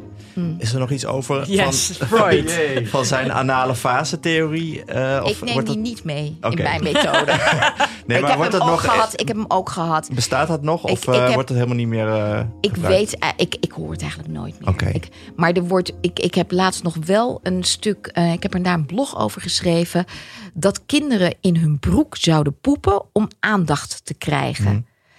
Nou, die ken ik niet. Nee. Want de, en het woord broekpoepen, dat is officieel in richtlijnen ook gezegd dat je dat niet mag zeggen. En waarom niet? Omdat het impliceert dat het opzettelijk zou zijn. ja. Mijn kind poept in de broek. Dus wij spreken van in Latijnse benaming fecale incontinentie. En in gewone taal ongewild Ja. ontlastingverlies. Een kind wil niet opzettelijk met vieze broeken lopen. Nee. Echt niet. Nee. Ik zat even te googelen Ja, naar de ziekte van Hirschsprung, want dat ken ik niet. Had je daar ooit van gehoord? Nee. Nee. Nee. Ja maar dat, is was- wel zeldzaam, zie ik. Nou, dat komt, ja, dat komt. Maar en, en, en dat is het rare. Het wordt bijna altijd ontdekt 24 tot 48 uur na de geboorte. Ja. Dus toen ze het bij mij op negenjarige leeftijd diagnosticeerden, zei ze: Ja, maar jij hebt een atypische vorm. Oh ja, Ja. typisch. Oh ja. Er staat hier, ik zit, ik zit op de site van de Maag Lever Darmstichting, dat er Ja, 40 klopt. kinderen per jaar worden geboren met deze aandoening. Ja. En, In eh, Nederland. In Nederland. Ja, ja, gaat ja, over ja, in Nederland. Nederland. Ja. En zijn er nog andere? Want we hebben net heel erg gehad dus over eigenlijk hoe het probleem voortkomt uit eh, ja, Stress en stress gedrag. en Ja, gedrag. precies. Zijn er nog andere medische Zeker. aandoeningen die Ja. ertoe kunnen leiden? En ik vind ook altijd dat je die als eerste moet uitsluiten. Ja. Want het, het zal toch niet gebeuren dat jij naar, gaat, je kind gaat aanspreken op gedrag en daarmee aan het werk gaat, terwijl er iets medisch spreekt. Ja, zet je een jaar iemand stress aan te praten en dan blijkt gewoon een medische Nou, dan krijgt hij wel stress, zeg maar. Dus, dat, dat, nee, dus dat, dat vind ik echt stap één, medisch uitsluiten. Nou, inderdaad, ziektebeelden. Ja. Eh, bijvoorbeeld ook malformatie van de anus. Dat betekent een misvorming van de anus. Dat gebeurt soms dat kinderen... Ja, dan, dan kan je minder goed eh, poepen. Eh, darmziektes. Wacht even, ik moet er nog even bij.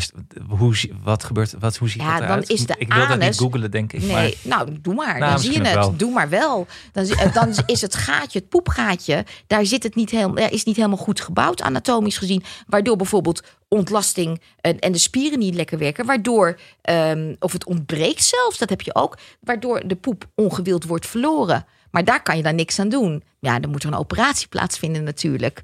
Maar dus dat soort, dat is dat. Dus fysieke ziektebeelden. Ja. Maar ook ehm, weten veel ouders niet bijwerking van medicatie.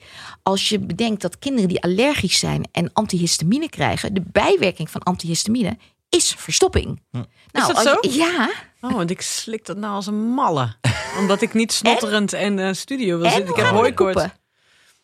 Ja, redelijk. Drie bakken zemelen per dag. Dat is wel waar. Maar ik zei al, ik ben heel playtrouw, dus dat merk je dan wel. Nou, Ja. maar het heeft daar ook vast mee te maken hoor. Ja, ja, en voldoende drinken. Dus er zijn natuurlijk heel veel. Ja. De leefwijze is natuurlijk, dat spreekt eigenlijk voor zich. Hebben we het niet over Ja. gehad. Voldoende drinken, Mhm. vezelrijk eten en voldoende bewegen. Maar Ja, ja. eigenlijk Ja. gebeurt dat wel bij de kindjes hoor. Want even een nou, zijsprongetje. dat- Drinken, drinken is Drinken, ja, dat zie ik bij heel veel kinderen wel een probleem. Op school hè, mogen ze, dan drinken ze vaak de hele dag Maar ook, ook buiten spelen en gewoon vergeten, Ja, geen zin om precies. te drinken. Dus daar moet je ook wel op Ja. letten als je kind daar last van hebt. Klopt. En jij zei zelf, hey, ik ging aan de zemelen en het werd, eh, hop, stuk beter. Ja, maar ik was 18 en de, het feit dat die arts zei: ja, maar jij hebt gewoon obstipatie. En ja, dat heb jij eerder last van, omdat dat ding verzakt is bij jou. En je hebt het als kind heel erg gehad. Dus jouw valkuil is: als er iets is met spanning en stress, ja, zal dat wel het eerste stukje zijn. Nou, dat klopt.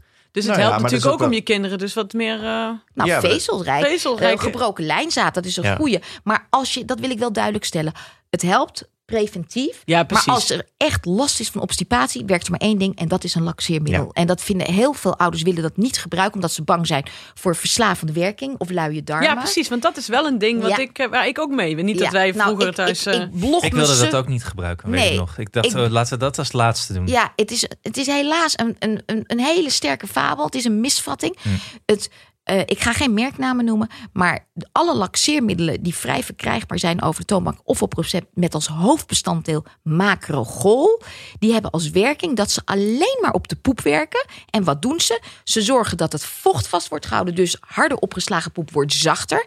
En het zet uit in volume, dus het krijgt volume en het wordt zachter. Dus dat betekent dat die sensoren in die laatste deel van die dikke darm weer aangezet worden. Dus je voelt weer aandrangprikkel en je kan hem gemakkelijk uitpoepen en het doet geen pijn. En als je dat een tijd doet, dan gaat dus de darmfunctie herstellen.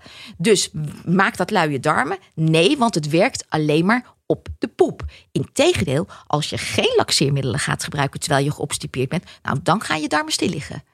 Dus dat, dat is een. en Ik weet niet hoe dat ooit is ontstaan. Want wat wel ehm, minder goed is voor je darmen om op structurele basis te gebruiken, zijn klisma's en eh, bepaalde zetpillen. Dus er zijn medicijnen, laxeermiddelen, die prikkelend werken op de darmen. En die de poep zachter maken. Nou, die moet je niet al te vaak geven. Als het nodig is, mag je dat best eventjes geven. Maar die moet je niet dagelijks geven. Ehm, terug even over dat medische stukje. Want Ja. we zijn dus bijwerking medicijnen. Ook nog een bekende bijwerking is de opiatengroep pijnbestrijders. Dus morfinegroep heeft, zodra je dat begint, eh, of ijzerpreparaten, zodat je dat neemt, wordt je poep keihard. Hm. Dat is gewoon een, een bijwerking daarvan. Ehm, en verder qua medische ehm, ja, goed, ziek, ziektebeelden en de bijwerking van medicatie. Ik denk dat dat wel de echte medische ehm, eh, redenen kunnen zijn die je moet onderzoeken. Ja. Maar ik moet, ik, nogmaals, als er een ziektebeeld speelt, dan heb je dat, zie je dat bijna altijd al in het eerste Ja. levensjaar. En eigenlijk ook al in het begin, als je kindje geboren is. Ja. Dan zie je al direct, hé, mijn kind poept niet lekker. Dus in jouw praktijk richt je het dus voornamelijk wel op de, op de gedrag. Ik werk vanuit een gezondheidsmodel. Dat is denk ik ook verschil. In een, in een ziekenhuis werken ze vanuit een ziektemodel. Ja. Welke ziekte speelt er en hoe gaan we dat oplossen? En ik werk vanuit het gezonde eh, geest en lichaam. Dus wat kan je zelf doen om dat op te lossen? En ik weet niet precies het percentage, maar ik houd dan op een veilige 99% Ik denk dat die zelfs wat hoger is. 99% van de poepproblemen zoals we dat hier bespreken, obstipatie of luierpoepen, is gedrag gerelateerd, dus niet medisch. ja. Ik vind dat wel eens luchtige shownote. Moest ik aan denken bij de laxeermiddelen. Die eh, aflevering van de, van de Young Ones nog eh, een stukje moeten laten zien. waarin Rick eh, zelfmoord gaat plegen met pillen. En dat iemand zegt, weet hij dat hij laxeerpillen...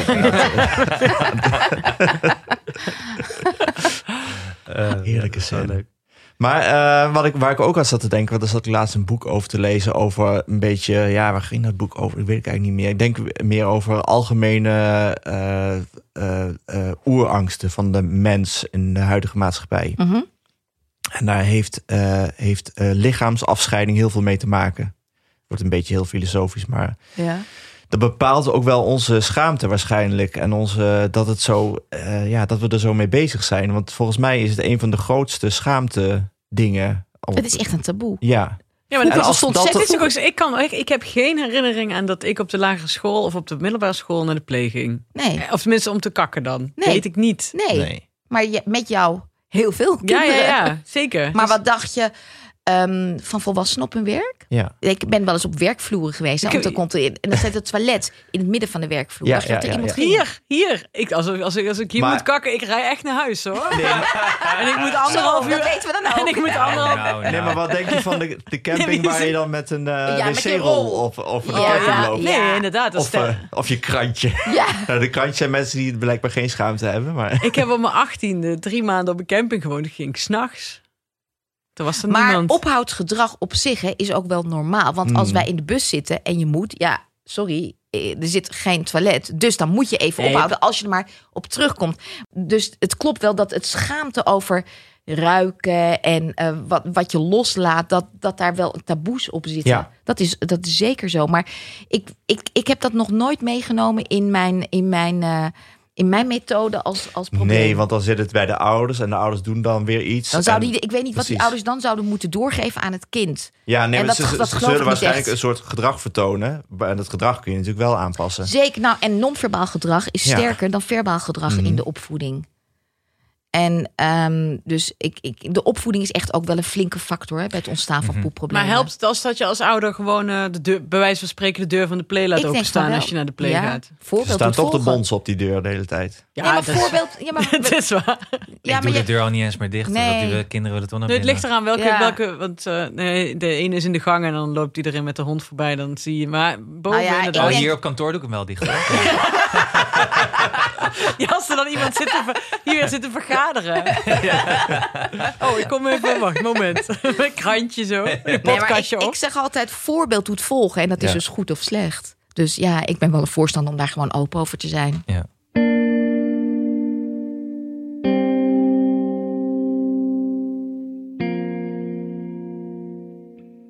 Weet, in mijn tijd was met mijn vriendinnen... was het als je dan een vriendje kreeg en je bleef erbij slapen. Ja. Wat moet je dan doen als je moet poepen? Daar hadden we Ja, laatst nog een heel echt, gesprek dat- over. Ja, maar dat, dat, de, al, het idee dat je dus daar je dan zorgen over maakt. Ja. Ja, dat, dat is... Wat Ja, jij eerste, die eerste keer dat je een windje laat. Ja, bij, eh, ja. Dat is echt een moment. Ja, dat is een moment van bevrijding. Dat is een Ja, moment- Dan weet je ook dat het goed zit Dat de relatie. Klaar. Dan weten ze je stank. En- Prima, en je bent ja, mens. Van daaruit gaat het steeds Ja. beter. Dat is, zo'n, dat is een van de belangrijkste momenten in de relatie, is dat eerste windje. Is Wat- zo, Wat ja. was jouw Ja. tactiek ook alweer in dat studentenhuis, zei je toen? Als ik een vriendje had, Ja. en dan was ik altijd heel erg opgelucht als ze een badkamer hadden waar ook een wc op Oh, zat. ja. Want dan zei ik, ik ga even douchen. En dan was het studentenhuis, dus dan deed de deur op slot. parfum erbij. Hup. douche aan.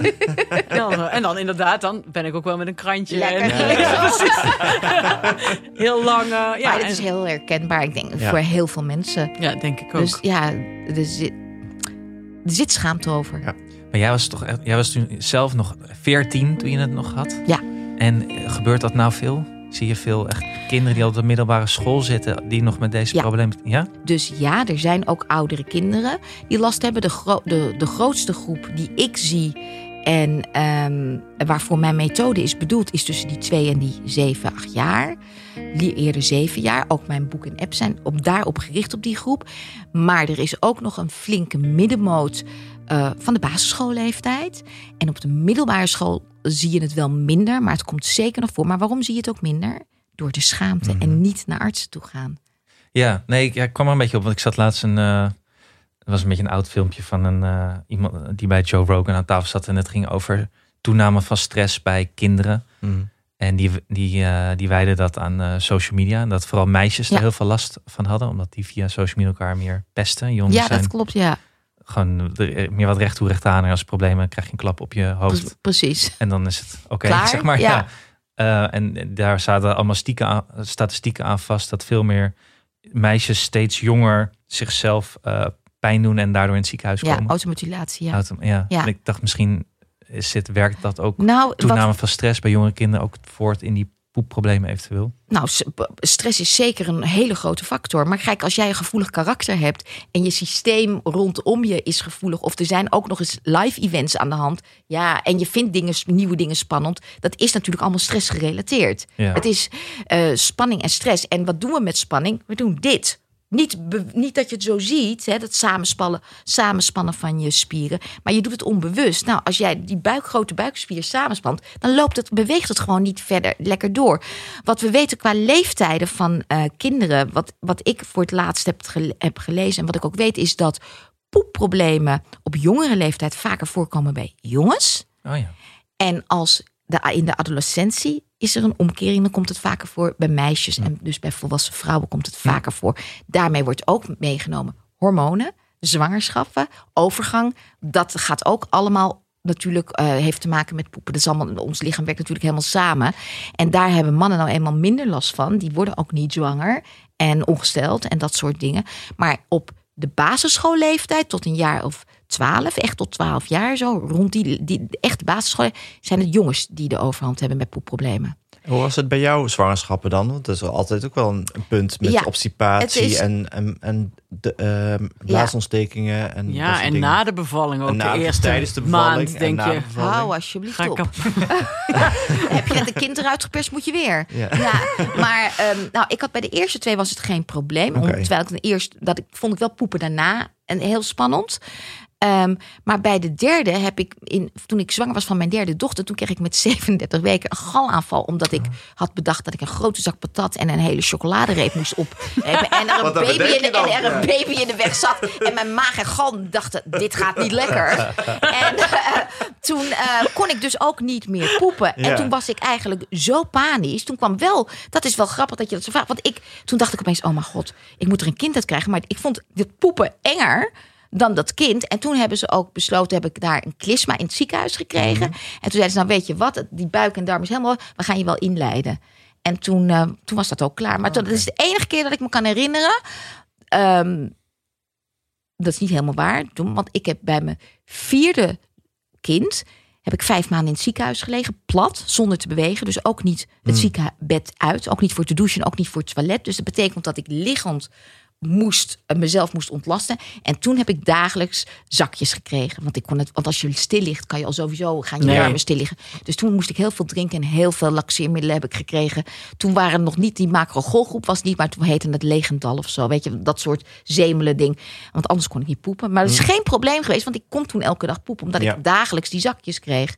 Maar stil liggen, we- ook bij, we hebben het over kinderen, maar wat dacht je van de oudere groep mensen? In, Mhm. eh, hoe erg daar poepproblemen Ja. spelen? Ja, enorm. Die ze in hun bed laten liggen, waarbij de toiletten heel hoog zijn. Terwijl we weten dat een poephouding het beste is met je knieën hoger, de squathouding, dan je heupen. Dus een krukje eronder. En wat is er bij al die verzorgingshuizen? Zijn het extra hoge toiletten, omdat mensen niet meer goed kunnen bukken en zitten. Dus dan zitten ze zo soort van staand. Hè?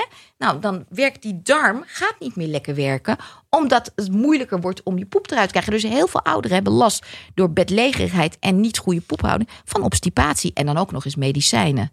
Godsamme. En wat krijgen ze dan om? Een luier. Ja. En laxeermiddelen en maar zo doen. Dus het is een groot probleem. Ik, in mijn volgende leven denk ik dat ik me ook op de ouderen ga richten. Want ik vind het een heel erg probleem. Ik vind het ook heel die- erg voor mensen. Al die medicijnen nog, met ja, al die precies. bijwerkingen. Ja, dus ik vind het, dat vind ik verschrikkelijk. vind ik echt heel erg. Ben je, ben je zelf de, de meest schrijnende casus die je bent tegengekomen? Oeh, wat een vraag. Ik weet niet of ik nog meer schrijnende verhalen aan kan. Ehm, ik wil even weten hoe... eh, nou, ik, ik, nee. heb, ik heb meer. Ik heb. E- Eén seconde, want Ja? ik, ik wist het toch eigenlijk helemaal niet... dat je nog zo op echt latere leeftijd met dit hiermee kon rondlopen. Ik heb gewoon nooit gehoord. Jij wel? Ik wist het echt niet. Nou, wel dat je heel erg geobstipeerd kunt zijn en daar problemen mee kunt hebben als volwassene. Dat wel. Ja, ik- Je bedoelt ik vieze ben broeken, hier, bedoel eh, jij, hè? Ja, vieze Ja. broeken. Dat als je nog Ja, dat op de gebeurt middelbare echt. school zit, dat je dat... Ja. Ik wist gewoon niet dat die... eh, Ja, wie, zegt, wie, wie, zegt, wie geeft het toe? Nee, dat nee, ja, Nee. niet. Dus wist ik dat Nee, zo niet. ik- Jawel. Nee, nee, nee, nee. Ik wist Nee. het ook niet. Ja, Ja. Maar ik kan me wel voorstellen. Ik kan me wel voorstellen dat, ik, dat, wat, dat hoor ik nog wel eens van een soort mijn geheim verhalen, anonieme verhalen. Dat, eh, dat er dit soort problemen spelen en dat mensen er absoluut niet over willen vertellen. Nee. Nee. Je moet met een tijdje met een huisarts getrouwd zijn. Dan Ja. hoor je wel eens wat. Ja. Nou ja, Ja. dat zal- zal Ja, heel veel bij hen voorkomen. Incontinentie en, en Ja, en vooral inderdaad van die hele ja, grote buiken vol poep. Dat Ja. Die Ja. anekdotes krijgen wij wel eens tijdens het avondeten. Ja. ja. Maar kijk, ik ben zelf best wel een erg een- geval. Ja. Dat klopt. Ja. Maar ik heb een aantal gevallen gezien in mijn eh, praktijkjaren die, ehm, die ik nooit kan loslaten. En dat heeft ook met kindermishandeling te maken. Hmm. Want het, er is ook een veroorzaakt seksueel misbruik. Kijk, als dat gat misbruikt wordt, dan ga je niet meer poepen. Nee. Oh, dus ja. ik heb echt, ik heb een kind gehad ehm, die poep moest eten. Hé, Dus alle vieze broeken Ah, moest eten. uit straf. Omdat ouders dachten, dat deden ze niet. Het is natuurlijk mishandeling. Maar ze wist, ze waren van, die moeder was, had, was ongeneeslijk ziek. Dus die wist het niet meer. Die zat zelf met de chemokuur in overgeven. En die wist niet wat ze moest doen met dat kind wat continu vieze broek had. Ze speelde obstipatie. Ze waren nog nooit naar de huisarts gegaan. Ze wel opgelost. Maar zij hebben dus huilend aan mij zitten vertellen dat ze hun kind poep lieten eten. En Eh, slaan. Ik heb ehm, nog een aantal andere casus voorbij zien komen waar mishandeling en seksueel misbruik speelden. Ja. Nou ja. En dat heeft meer indruk op mij gemaakt, vind ik schrijnender dan Ja. mijn eigen geval. Bij mij is schrijnend dat het zo lang heeft geduurd. Tien jaar is, een hele, is eigenlijk mijn hele kindertijd is overschaduwd geweest. Ja. Maar de intentie, kijk, ik had hele bezorgde lieve ouders die nooit boos op mij waren, heel beschermend. Dus ik heb het wel altijd als ondersteunend. Ik was wel eenzaam, maar ik heb niet vanuit het thuisfront, behalve mijn zusje dan, weet je wel, dat plagen en op school ook gepest natuurlijk. Maar er zat niet zo'n hele diepe shit achter als wat ik in mijn praktijk heb gezien. Dat Nee, vind ik je- schrijnender. Ja. Ja, ja. Ja, Want je de basis, stipt, eh, de basis was De goed. jou. onderliggende shit, ja precies, de onderliggende shit is, is vaak het probleem. Ja. Maar jij het begin, ik weet niet of je iets over wil vertellen hoor, maar je het begin heel even eh, stipt je oorlogsverleden aan. Ja. Eh, dus van je oude Tweede Wereldoorlog. Zeker, wij zijn Joods. Dus mijn grootouders zijn vermoord. Ja. Eh, van mijn moeders kant, mijn moeder is wees.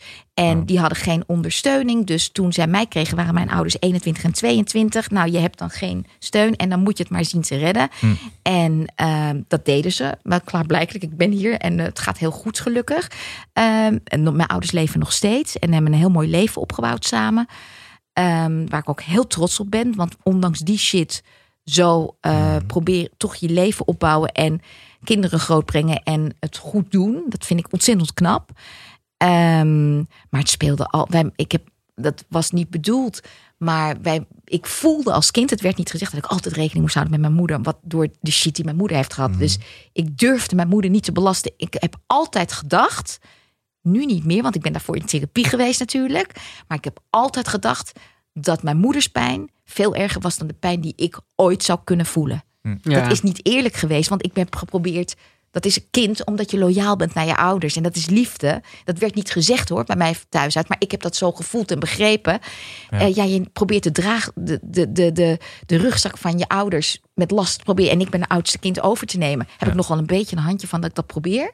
Maar ik weet nu dat ik het doe. Dus daar is een groot verschil in. En ik denk dat dat. En ik ben een heel gevoelig meisje, nog steeds. Ehm, heel emotioneel. eh ehm, eh, faalangstig. Altijd faalangstig geweest. Sociaal verlegen.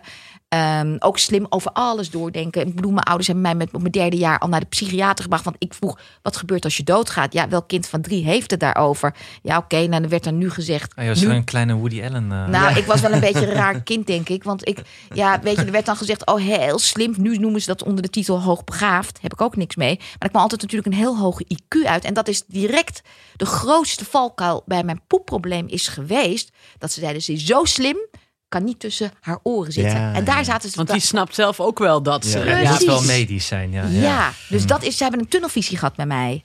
Hm. Dus ja, de oorlog, dat is ook onderliggende shit geweest. Maar mijn ouders hebben dat proberen te verbergen. Maar dat heb je als kind dus door. Ja. Ja, Ja, en de hele omgeving is daarmee, want zoals je zegt, de hele Ja, omgeving zegt, laat je. wel weten, jouw moeder heeft het zwaarder gehad, dan hoeft ze het zelf niet eens te zeggen. Nee, mijn moeder is vaak uit huis geweest. Ja. Wij hebben gezinsvoogden gehad omdat mijn vader moest werken en dat mijn moeder ons niet kon verzorgen. Dus Mhm.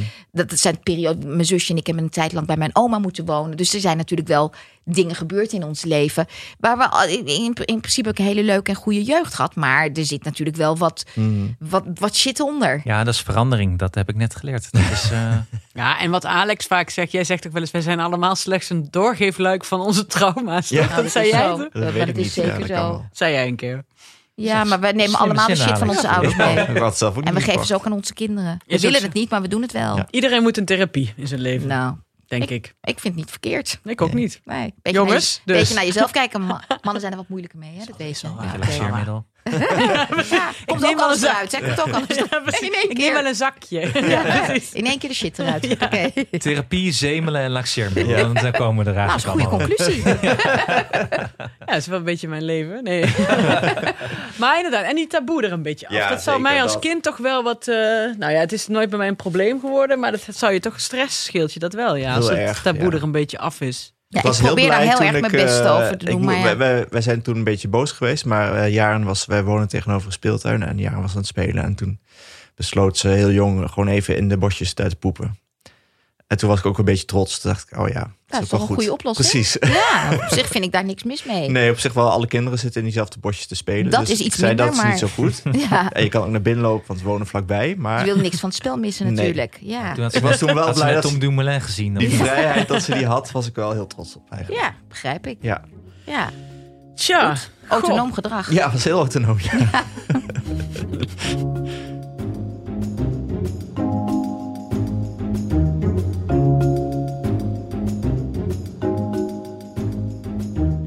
Zijn we, zijn we rond? Ja, het, ja, moet iemand naar de wc? Het is een, nee, het perfecte. dit- Ah, ik ben een kei in ophouden, dat weten jullie niet. Ja, ja, een kei ook goede woordkeuze. Ehm, nou, nou, super bedankt voor dit. Ik denk dat we heel veel show notes hebben, of niet? Ehm, met, met wat? Nou, wat linkjes en eh, boeken en... eh, Ja, alhoewel, ja, we hebben trouwens niet heel veel gezegd. We doen heel veel superpoeper linkjes in de, Ja. in de show notes. Nou, dat is fijn. Ja. Nou ja, en, ehm, vooral voor ouders die vastlopen met hun kind. Want het, het, het, omdat er een taboe is en omdat ouders dus niet erover praten, zitten ze soms echt jaren in de shit. Ja, oh ja, dat is, ik weet, ik heb één laatste. Wat is het moment voor ouders die nu luisteren wat, om, om hulp te zoeken? Wanneer, wanneer zou je dat Zodra je ziet dat je kind ophoudt en niet lekker poept. Meteen Dan je- al? Ja, daar moet je echt... Een, dat wat ik vertelde, hè, van die dikke darm die zo gaat eh, verwijden... dat gebeurt dan na twee weken ophoudgedrag. Hmm.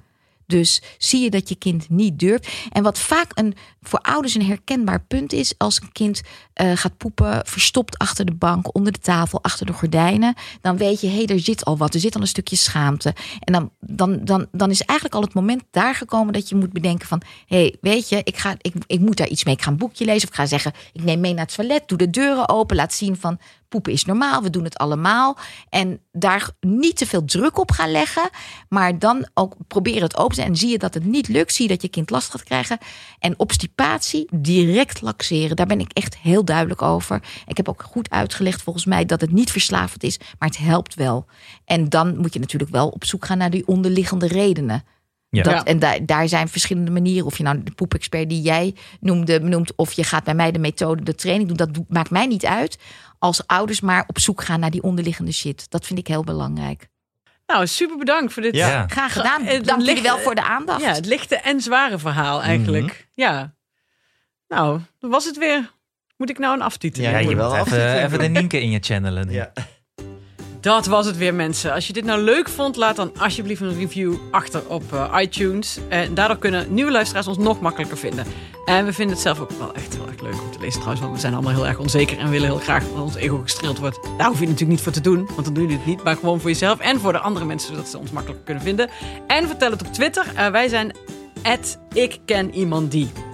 En ken jij een moeder of vader of vriend of vriendin of oom of tante die dit moet horen? Maak ze dan attent op onze podcast. Want dat zouden we echt fijn vinden.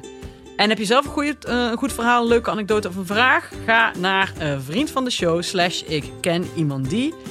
Eh, laat het daar allemaal achter. Dat vinden wij leuk. En dan kun je ook eh, lid van ons worden. Dat vinden we ook leuk. We vinden eigenlijk alles leuk. Jezus, leuk Ja. is een gefiguurd paardje. Nienke zegt dat niet. Nee. Maar ik vond het wel een leuke outro. Eh, leuk. Ja.